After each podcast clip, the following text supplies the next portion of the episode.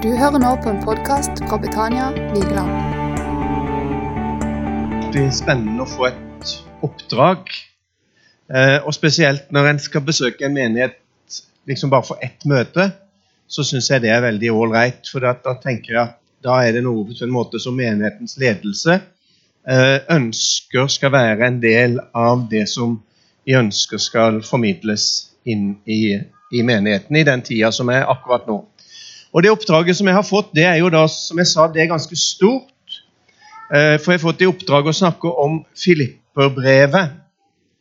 Eh, og det er klart at eh, Når en får et sånt oppdrag for en søndag formiddag, så må en på en måte gjøre et valg.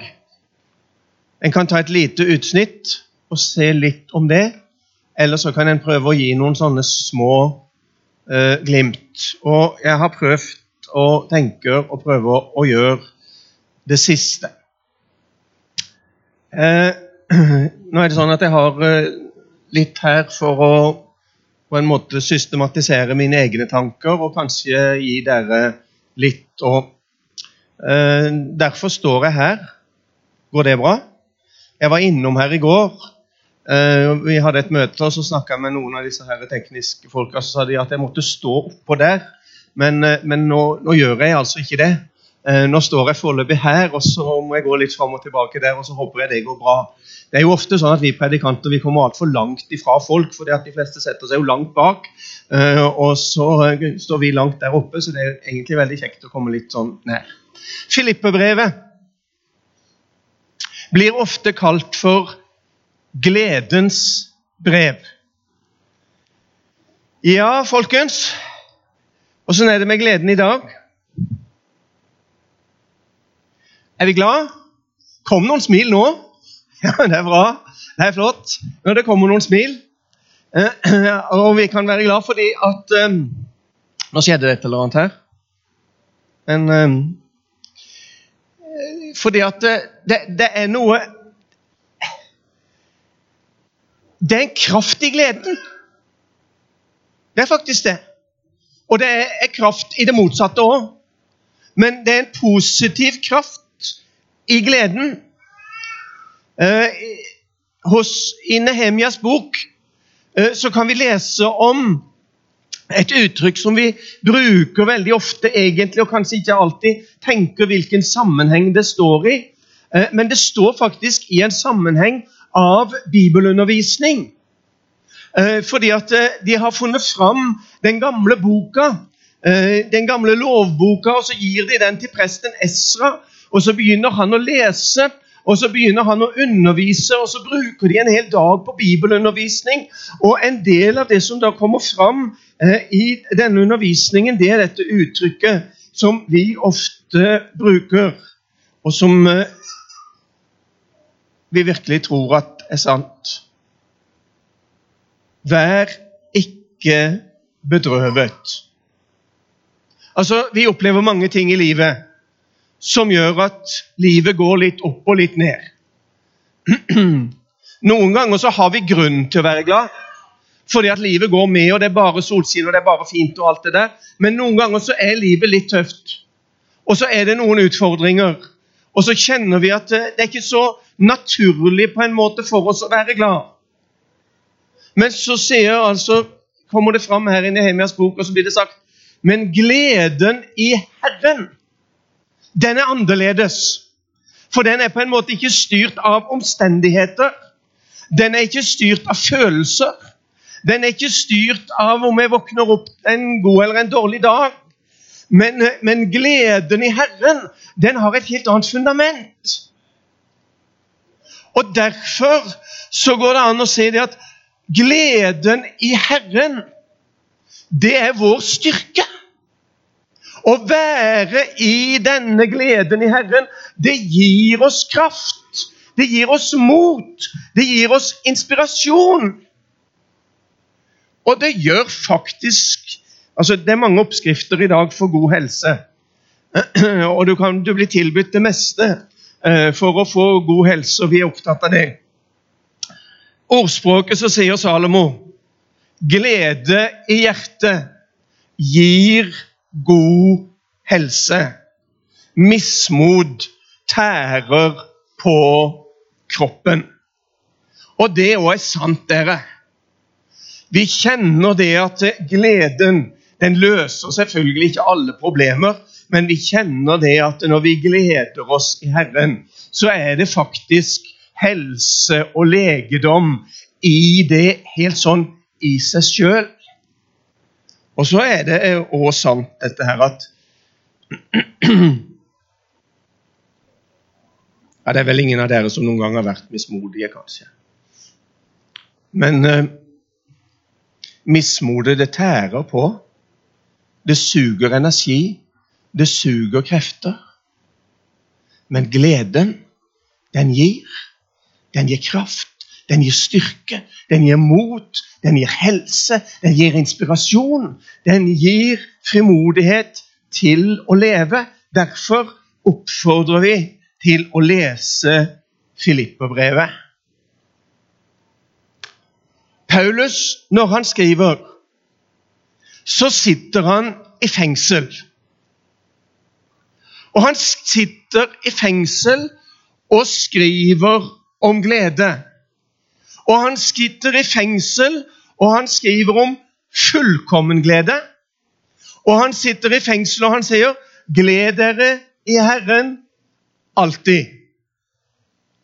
Han sitter altså i fangenskap, og så kjenner han det at eh, det er en indre glede.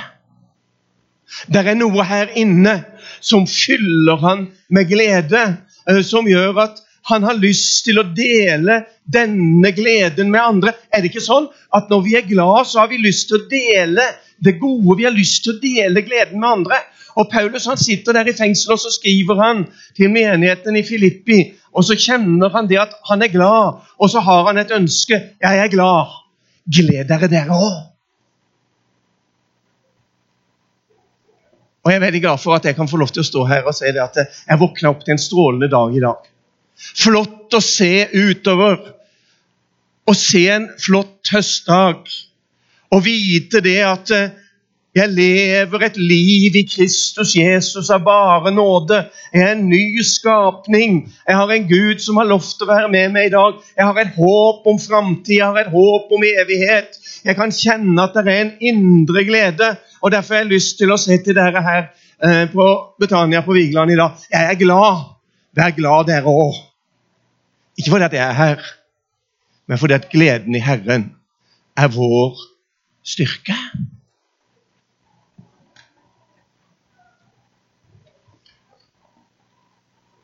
Bare eh, kort noen få ord om, om menigheten i Filippi. Eh, menigheten i Filippi eh, den kan vi egentlig lese om oppstarten på i Apostlenes gjerninger, kapittel 16. Eh, og Nå skal ikke jeg ta tid til å, å gå inn og, så, og så lese alt dette her som står i eh, Apostlenes gjerninger, kapittel 16. Men, men, i Apostlenes gjerninger, kapittel 16 eh, så får på en måte misjonshistorien et vendepunkt. Fordi at eh, Paulus han ønsker å dra en annen vei. Men så kommer Gud ved Den hellige ånd, og så sier Gud stopp. Noen ganger gjør Gud det. Noen ganger sier Gud stopp. Du skal en annen vei. Det er noe annet som ligger foran deg enn det som du har tenkt. Og så får han lov til, gjennom et syn så får han lov til å se en mann fra Makedonia. Og så hører han gjennom denne mannen et rop. Kom over til Makedonia og hjelp oss. Altså, Da var Paulus i det som i dag For dere som har kart oppi huet og sånn, og ser foran dere hele, liksom Da var han jo i det som i dag er Tyrkia. Og så opplever han et rop fra Makedonia, som er på den andre sida. Og så kjenner han at ja, jeg skal reise vestover. For det er et rop fra Makedonia om hjelp. Kom over til Makedonia og hjelper oss. Og På den tida så var Filippi det var en romersk provins eller en romersk koloni i Makedonia. Og når det at eh, Paulus kommer over Han er da på sin eh, andre misjonsreise. Og når han da på sin andre misjonsreise hører dette ropet, kommer over til Makedonia, og sånn sett eh, da møter Europa, Vest-Europa, møter Europa for første gang, så så er det ingen synagoge i Filippi. I mange av disse byene så var det en synagoge, og det var naturlig for eh, de første misjonærene å gå til synagogene for der å møte kontaktpunkt. Men det var ingen synagoge. Men de fikk høre om at det var et bønnested nede ved elva. Og Så går de ned til et bønnested nede ved elva, og der finner de noen damer. Det er rart det der ofte at når det er bønnemøter, så er det damer der. Det, men det, sånn at De møter noen damer som er på bønnemøte nede ved elva. Uh, og En av dem heter Lydia. Dette kan dere jo da lese om uh, i Apostgjerningene 16, og, og, da fra vers 12 og utover. Så, så, møter de denne Lydia, som det står at Herren åpnes hennes hjerte. Herren åpnet hennes hjerte. Og Dette møtet på bønnestedet der nede ved elva det er egentlig begynnelsen på menigheten i Filippi. Der starter det. Med disse damene som ba på bønnestedet, så startes det en ny menighet i Europa. Og så begynner Europamisjonen. Og så kommer evangeliet til Europa, og så begynner de å forkynne evangeliet og så begynner de å forkynne evangeliet med de tegn som følger med. Eh, og når de forkynner evangeliet med de tegn som følger med, så kan vi lese videre denne historien eh, som ender opp med at Paulus og Silas havner i fengsel for evangeliets skyld. Gled dere i Herren. Er glad, vær dere glad, så havner de i fengsel for evangeliets skyld. Og så kjenner vi denne historien. Det går fra et bønnemøte til et bønn- og lovsangsmøte. For der i tempelet så står det at Paulus og Silas de synger lovsanger. Det er gleden i Herren. Det er ikke det fordi at noen har bestemt at nå skal vi stå opp og synge lovsanger. Det kan være fint, det. Men, men dette var gleden i Herren. Dette sprang innenifra. For de sitter fanga, og det var ikke et fengsel sånn som det Paulus sitter i når han skriver Filipperbrevet, som nok var, var, ganske åpent og fritt og greit. og sånn. Dette var i det innerste fangerom med lenker rundt beina, og, og, i det hele tatt, eh, det var ikke noe særlig forhold der. Men gleden i Herren var i hjertet.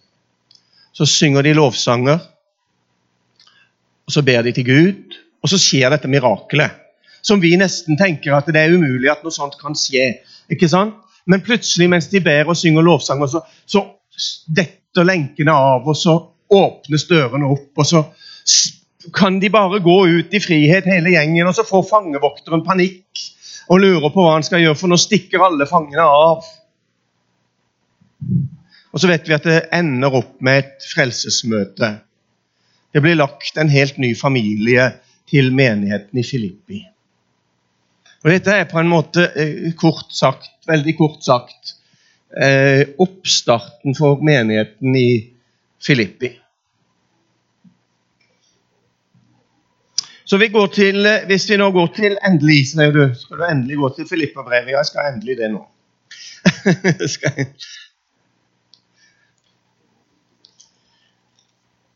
Så er det sånn at veldig mange av Paulus' brev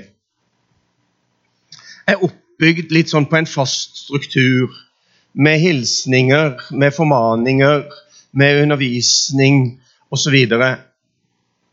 Filippe-brevet har egentlig ingen sånn uh, veldig stram struktur. Det er mer et personlig brev uten at det er skrevet til en konkret person. Så er det et personlig brev fordi at denne menigheten, eh, som Paulus da fikk lov til å være med å etablere for ja, Det blir sagt en, kanskje en, mellom 10 og 12 år siden, før dette brevet skrives. Men i denne perioden så har altså menigheten i Filippi vært med og støtta Paulus og støtta hans arbeid og gitt fast til misjonen, for å si det sånn. Det var en fast givertjeneste, og de gav til arbeidet som Paulus sto i, og misjonsarbeidet. Og Når han skriver Filipperbrevet, eh, så er det bl.a. en takk for trofast støtte. Og Det er viktig å takke det som trofast støtter. Så takk til alle dere som trofast er med og gir til menigheten, og som trofast er med og gir til misjonen. Guds sak går fram på den måten. Paulus og noen med han kunne reise. Paulus og noen med han etablerte menigheter. Men når det var gjort, så var det menigheter som sto bak og som støtta, og som sto der med støtte, med forbønn, med givertjeneste. Og så var det på en måte pilarene i virksomheten videre. Og Sånn er det den dag i dag. Det er noen som på en måte blir plogspissene som går ut, og som står midt i det. Men hva hadde de vært hvis ingen støtta?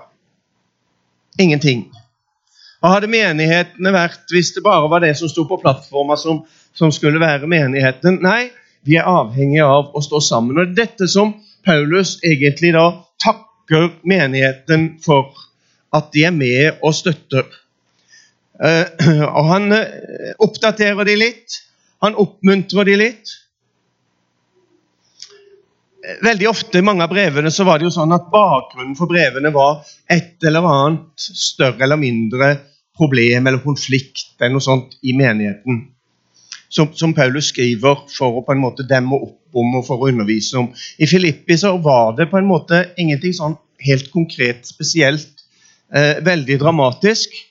Eh, men eh, han eh, oppmuntrer Han oppmuntrer de til å holde fast på enheten. Og så advarer han litt mot judaisme. Og jeg tenker at Det er to ting som vi godt kan ta med oss òg i dag ta vare på enheten og fellesskapet. Det er kanskje noe av det viktigste for oss som menigheter i den tid som vi lever. Det er så lett å bli splitta opp, det er så lett å gå i alle retninger. Det er så mange ting som på en måte drar. Men uh, fokus må være på den rette plassen, og det skal vi se nå ganske straks.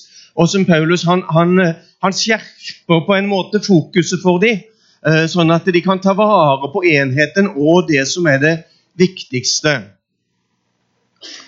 Og så advarer han litt mot judaisme. Eh, hva er det? Jo, eh, kort sagt loviskhet.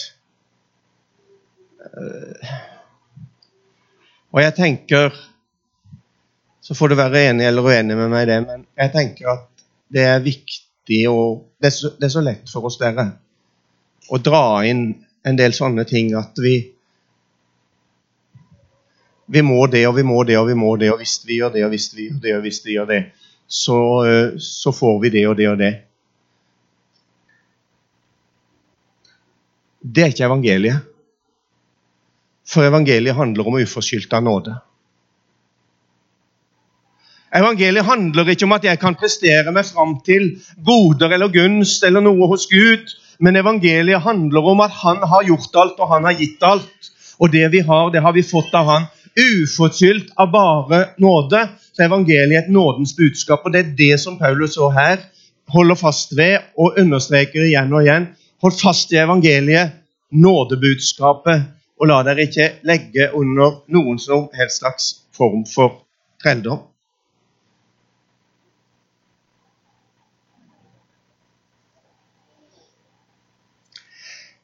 Det, det, går an når en går inn i en, et sånn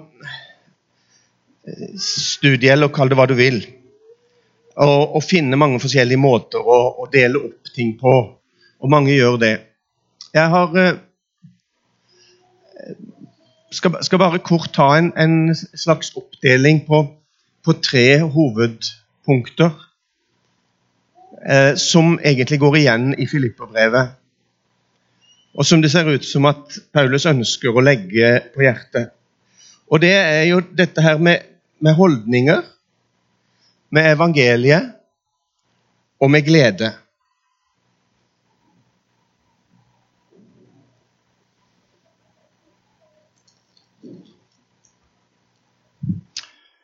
Og nå skal predikanten endelig lese en bibeltekst. Det er jo forferdelig med predikanter som ikke leser en bibeltekst. Nå har, jeg, nå har jeg på en måte sitert mye, men nå skal jeg lese. Fra kapittel 2, fra vers 5. La samme sinnelag være i dere som også var i Kristus Jesus. Han var i Guds skikkelse og så det ikke som et rov å være Gud lik, men ga avkall på sitt eget, tok på seg tjenerskikkelse og ble menneskelik.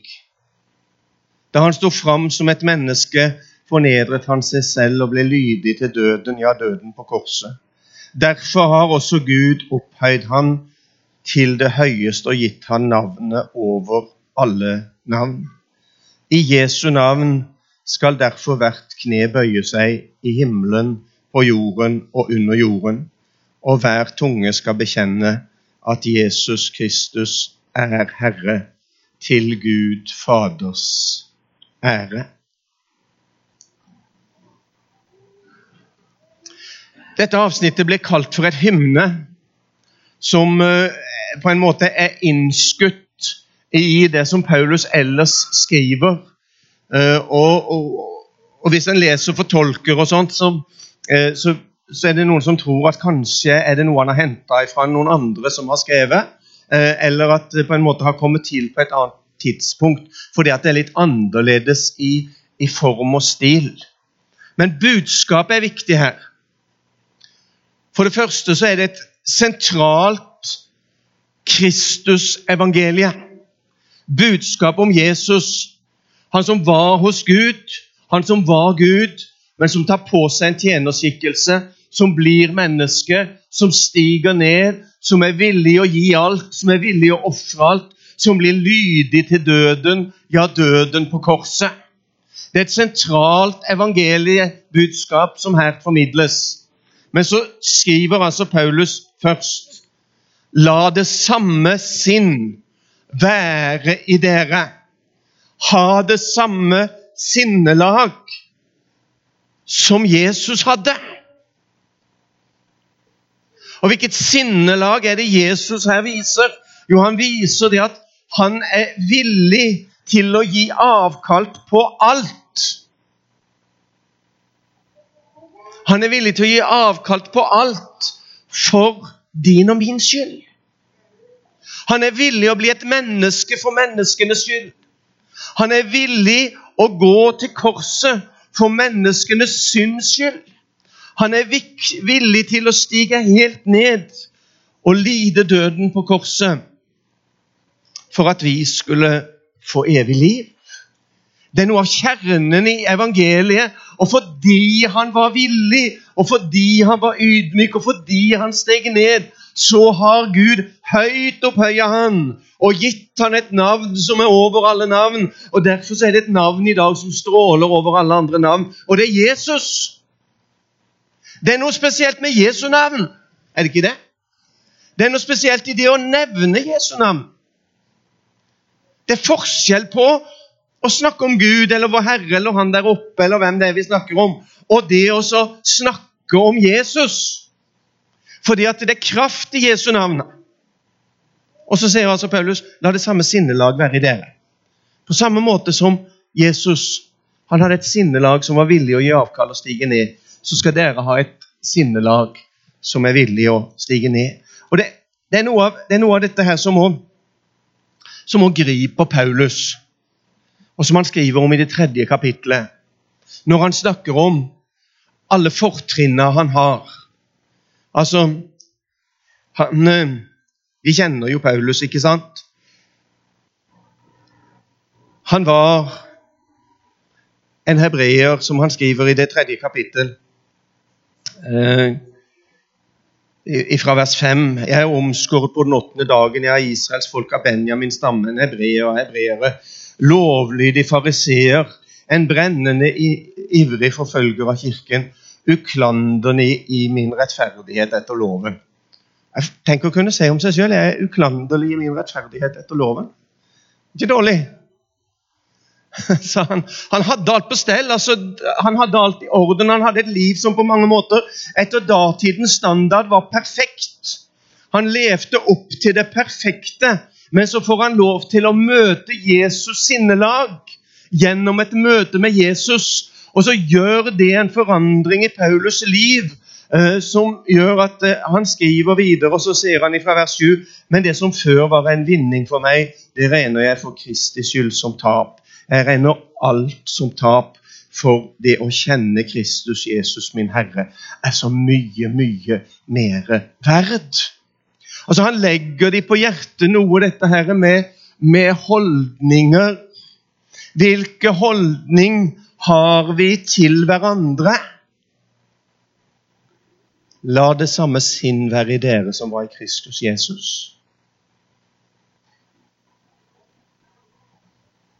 Det er veldig lett for oss å dømme hverandre, tenke om hverandre, snakke om hverandre.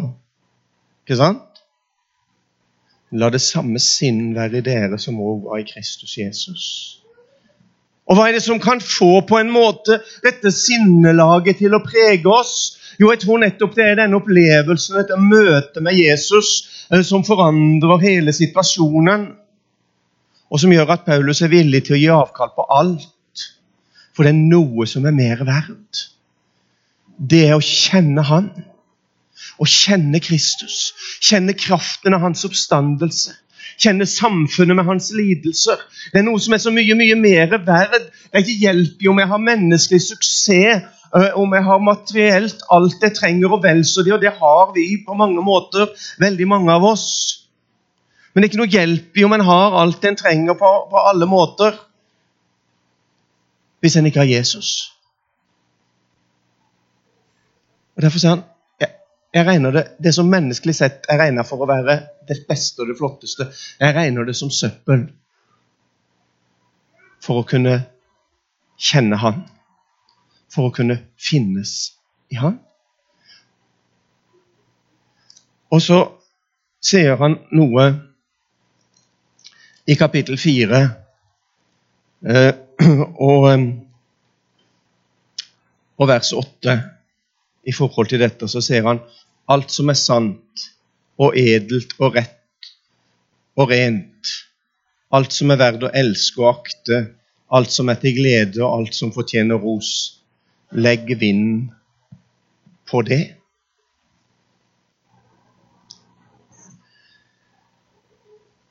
Så er han veldig opptatt av evangeliet. Altså, eh, Nå har vi sagt noe om at han, nå er han ikke lenger så fryktelig opptatt av seg sjøl. Som fariseer så var han opptatt av seg sjøl og sitt eget og sin egen fortreffelighet. Men møtet med Jesus har forandra han på en måte som gjør at han er ikke lenger så opptatt av det, men nå er han opptatt av evangeliet, det gode budskapet nådebudskapet eh, som skal forkynnes, som skal ut til alle mennesker. Og så bruker han mye tid. og Nå har jeg, nå har jeg remsa opp her mange forskjellige skriftsteder, og de fleste av de er fra det første kapittelet, eh, som, som handler om dette her med evangeliet. Han snakker om at de har del i evangeliet. Han snakker om at evangeliet har framgang pga. hans lenker. Altså, Det at han sitter i fengsel, er egentlig ikke en begrensning for evangeliet. Men, men det at han er i lenker og sitter i fengsel, det er òg med på å, å, gi framgang for evangeliet. For da må, da må, de andre òg være med, og da må flere være med. og da, da, da sprer det seg utover på en flott måte. De kommer i situasjoner der de må forsvare evangeliet. Forsvare evangeliet. Vi, vi kommer, og vi er i situasjoner eh, i dag som gjør at vi noen ganger må forsvare evangeliet, selv om evangeliet forsvarer seg sjøl egentlig.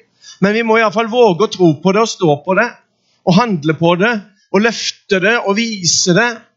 At det er ikke strømningen i tida som er retningsgivende for det vi tror på og det vi står for, men det er evangeliet, det er budskapet i boka her, som er retningsgivende for det som vi lever og tror på og står for, midt i et samfunn der vi kan kjenne trykket på mange måter. Forsvarer evangeliet og lever et liv som er, som er evangeliet verdig. Det handler om disse holdningene som vi snakker om. Å kunne leve et liv som er evangeliet verdig. så står det i vers 27, og jeg leser eh, Se bare til at dere fører et liv som er Kristi evangelium verdig, enten jeg kommer og ser dere eller er borte. Så la meg få høre at dere står sammen i én ånd, kjemper med ett sinn for troen på evangeliet. Stå sammen. Hold sammen. Hold fast ved evangeliet. Det er det som binder oss sammen. Vi er forskjellige, vi skal være forskjellige, vi ser ulikt på mange forskjellige ting. Men hold fast ved evangeliet. Så sammen om evangeliet. For det er evangeliet som seirer. Det er evangeliet som har liv, det er evangeliet som har håp, det er evangeliet som har framtid. Stå sammen om evangeliet. Så til slutt tilbake til gleden.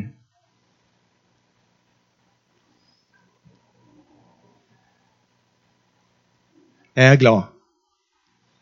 Gled dere.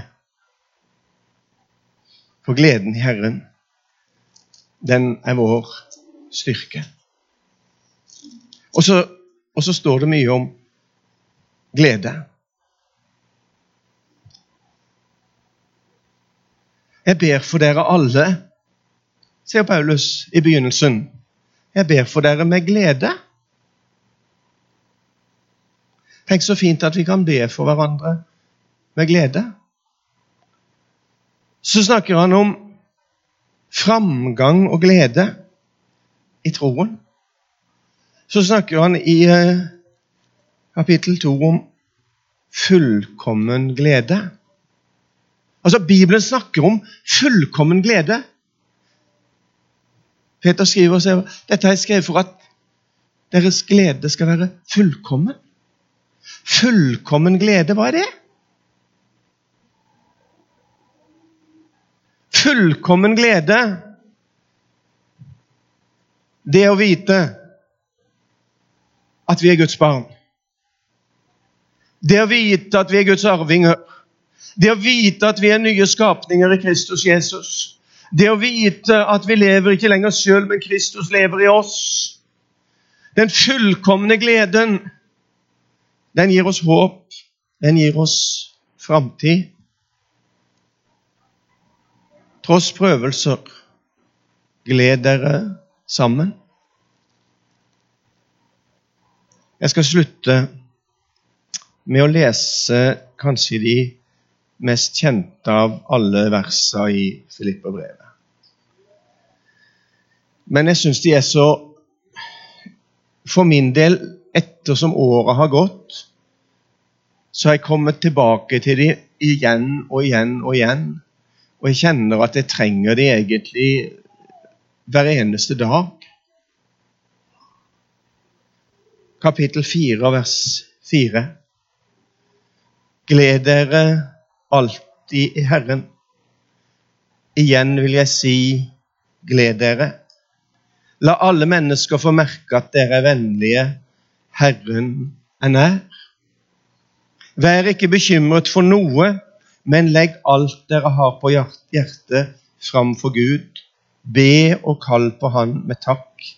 Og Guds fred, som overgår all forstand, skal bevare deres hjerter og tanker i Kristus Jesus. Jeg tenker at denne freden og gleden er selve grunnlaget for den fullkomne glede, og at vi kan glede oss midt i prøvelsen, i bekymringen, i hverdagen, i motgangen, i stormene, når livet går imot, så sier altså Paulus her som en slags oppsummering av denne gleden Vær ikke bekymret for noe. Er det mulig? Menneskelig sett så er det kanskje ikke mulig. Men jeg tror og jeg opplever for min egen del at her ligger det en, en vei, en hemmelighet, en mulighet til nettopp å oppleve denne grunnfeste, dype gleden. Og en vei til å legge bekymringen fra seg. La i alle ting Alle ting Alt du har på hjertet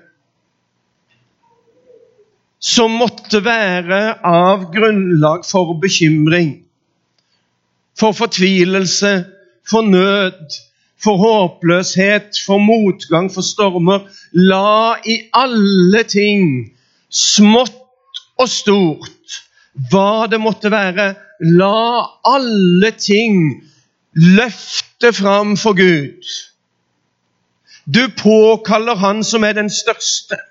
Du påkaller Han som er den høyeste. Du påkaller Han som sitter på tronen. Du påkaller Han som har all makt i himmel og på jord.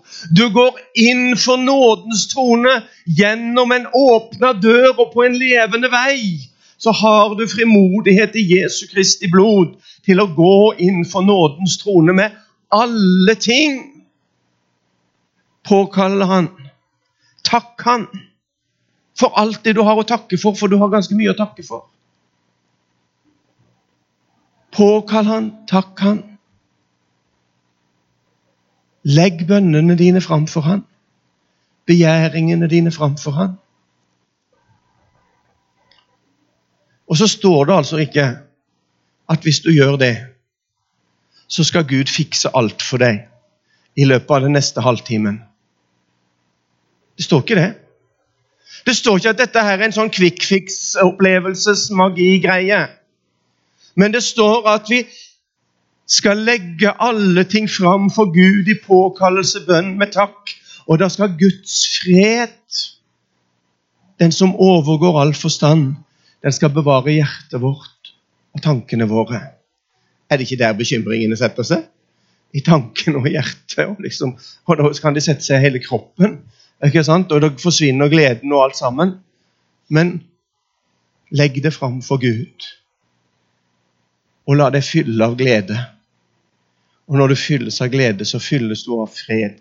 Guds fred som overgår all forstand, skal bevare ditt hjerte og dine tanker i Kristus Jesus. Da trenger du ikke å bekymre deg, men da kan du være glad. Gled deg i Herren for gleden i Herren er vår, din og min styrke.